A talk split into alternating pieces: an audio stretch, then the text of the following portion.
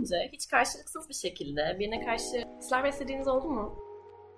Peki sebebi neydi bu hislerin? O insanın çok ulaşılmaz gözükmesi mi? Hayallerinizi süslemesi ve dünyanın en harika insanı oymuş gibi hissetmeniz mi? Yoksa bir yerde olsak çok güzel olurdu diyerek hayallerinizi gerçeğe yaklaştırma çabanız mı? Aslında cevap hepsi. Ben yakın ilişkiler ekibinden biriyim. Bugün sizlere hem tarifi hem de deneyimlemesi oldukça zor bir durumdan bahsedeceğiz. Karşılıksız aşk. Çalışmalar insanların %98'inin hayatlarının bir döneminde de olsa en az bir defa karşılıksız aşka tutulduğunu gösteriyor. Yani eğer geçmişte böyle bir şey yaşadıysanız ya da şu anda karşılıksız aşka tutulmuş durumdaysanız yalnız değilsiniz. Araştırmalar aşkımıza karşılık vermeyen birine aşık oluşumuzun altında üç temel motivasyon yattığını söylüyor. Karşımızdaki kişiyle kuracağımız ilişkinin bize çok değerli gelmesi, onunla bir ilişki kurmanın imkanlar dahilinde gözükmesi ve birine aşık olmanın verdiği hoşlanıyor olmak. Tutulma dediğimiz dönemin en öne çıkan semptomlarından birisi karşımızdaki kişiyi idealize etmek. Bir kişiyi idealize ettiğimizde ise zihnimizde kusursuz, mükemmel bir temsiliyet yaratıp onu gerçeklikte bir şekilde var etmeye çalışıyoruz. O kişiyi gözümüze kusursuz bir konuma oturttuğumuzda da o içinde olduğumuz karşılıksız aşk döngüsünden çıkamıyoruz. E karşıdaki kişiyle romantik bir ilişki kurmanın imkanlar dahilinde gözükmesi de bizim bu döngüde kalmamıza sebep oluyor. Örneğin karşımızdaki kişi bir arkadaşımızsa ya da her gün karşılaştığımız birisiyle neden birlikte olmayalım ki? Olmaması için hiçbir sebep yok gibi bir düşünce geliştirebiliyoruz. Ya da bazen sadece aşık olma eylemini gerçekleştiriyor olmak bile bizi bu karşılıksız aşk döngüsüne kalmaya itebiliyor. Biz aşık olma deneyiminin kendisini seviyoruz aslında. Çünkü bu adeta bize güvenli bölgedeymiş hissi yaratıyor. Belki de başka türlüsüne alışmadığımız içindir, kim bilir. Tüm bu sebeplerin yanı sıra karşılıksız aşk içerisinde olmamızın bağlama stillerimizle de bir ilgisi olabileceği düşünülüyor.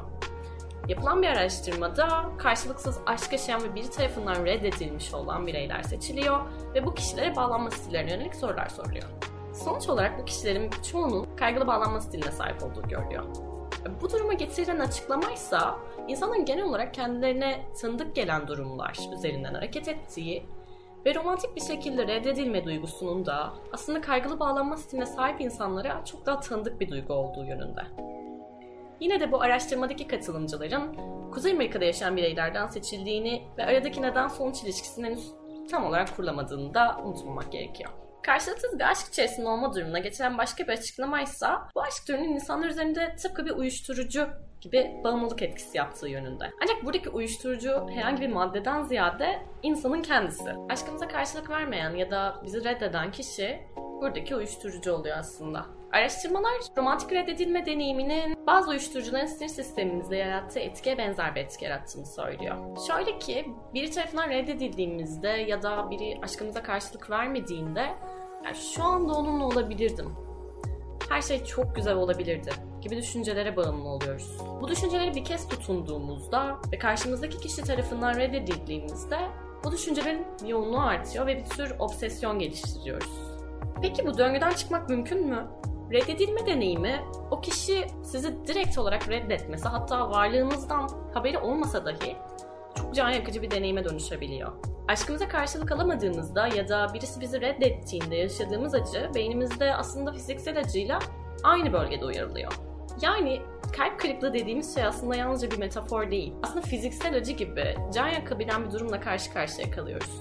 Yaşanılan bu durumla başa çıkmak için atılması gereken en önemli adım farkındalık geliştirmek. Peki burada farkındalıkla neyi kastediyoruz? Örneğin bunun sadece sizin başınıza gelen bir durum olmadığını bilmekle bile işe başlayabilirsiniz. İnsanların %98'inin hayatlarının bir döneminde karşılıksız aşka tutulduğunu söylemiştik. Yani bu durumdan muzdarip olan tek kişi siz değilsiniz. Farkındalık geliştirmeniz gereken başka bir durumda bunun hayatınızda ne kadar sık tekrarlandığı. Geçmişteki ilişkilerinizi gözden geçirdiğinizde çoğunun karşılıksız olduğunu düşünüyor musunuz? Kendinize neden hoşlandığım ya da aşık olduğum insanlardan bir karşılık alamıyorum? Neden hep reddediliyorum ve neden hep imkansızı istiyorum? Gibi sorular soruyor musunuz?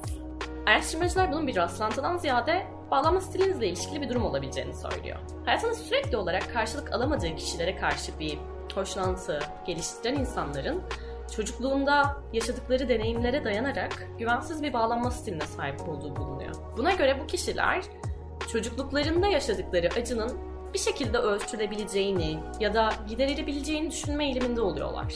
Fakat bu durum her zaman tabii ki bilinçli bir şekilde gerçekleşmiyor. Bu nedenle bunu fark etmek daha da zor olabiliyor. Bir de duruma karşı tarafın gözünden bakalım. Çoğu insana göre sevilmek çok imrenilesi bir durum değil mi? Ancak reddeden kişi için bu durum biraz daha farklı. İnsanlar reddedikleri kişiyi hiç tanımıyor, hiç sevmiyor dahi olsa bu durumu oldukça stres verici olarak nitelendiriyorlar. Çünkü kendilerini çok zor bir durumun ortasında buluyorlar ve karşılarındaki kişinin aşkına karşılık veremedikleri için de kendilerini aslında suçluyorlar. Bu bilginin karşılıksız aşkınızdan vazgeçmenize bir etkisi olur mu bilemeyiz. Ancak bu araştırmaya dayanarak şunu söyleyebiliriz ki karşınızdaki kişinin de aslında canı bir noktada yanıyor. Karşılıksız aşka başka bir taraftan bakacak olursak da aslında yaşadığınız durum zihinsel düzeydeki gerçeklik algısından uzaklaşmanızla da ilgili olabilir. Yeterince değil miyim? Beni neden sevmiyor? Beni neden fark etmiyor? gibi sorular tam olarak bilişsel düzeydeki çarpıtmalar nedeniyle ortaya çıkıyor aslında. Bu tarz çarpıtmalardan uzak durmak için üç önemli nokta var. İlk olarak, yaşanan her bir durum kendisi içerisinde özeldir ve genellenemez. Yani bir kişi tarafından reddedilmiş olmanız ya da sevilmemiş olmanız hiçbir zaman sevilmeyeceğiniz ve hep reddedileceğiniz anlamına gelmiyor. İkinci olarak, reddedilmenizin ya da herhangi bir karşılık bulamamanızın suçlusu siz değilsiniz. Hatta aslında bakacak olursak orada da herhangi bir suçlu dahi yok.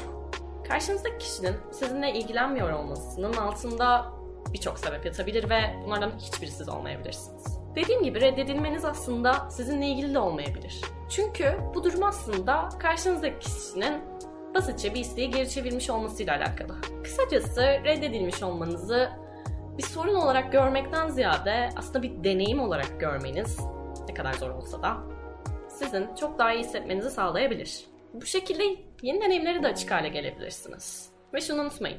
İçinde bulunduğunuz durum zannettiğiniz kadar vahim değil. Ve hemen hemen herkes hayatının bir döneminde karşılıksız aşkı deneyimliyor.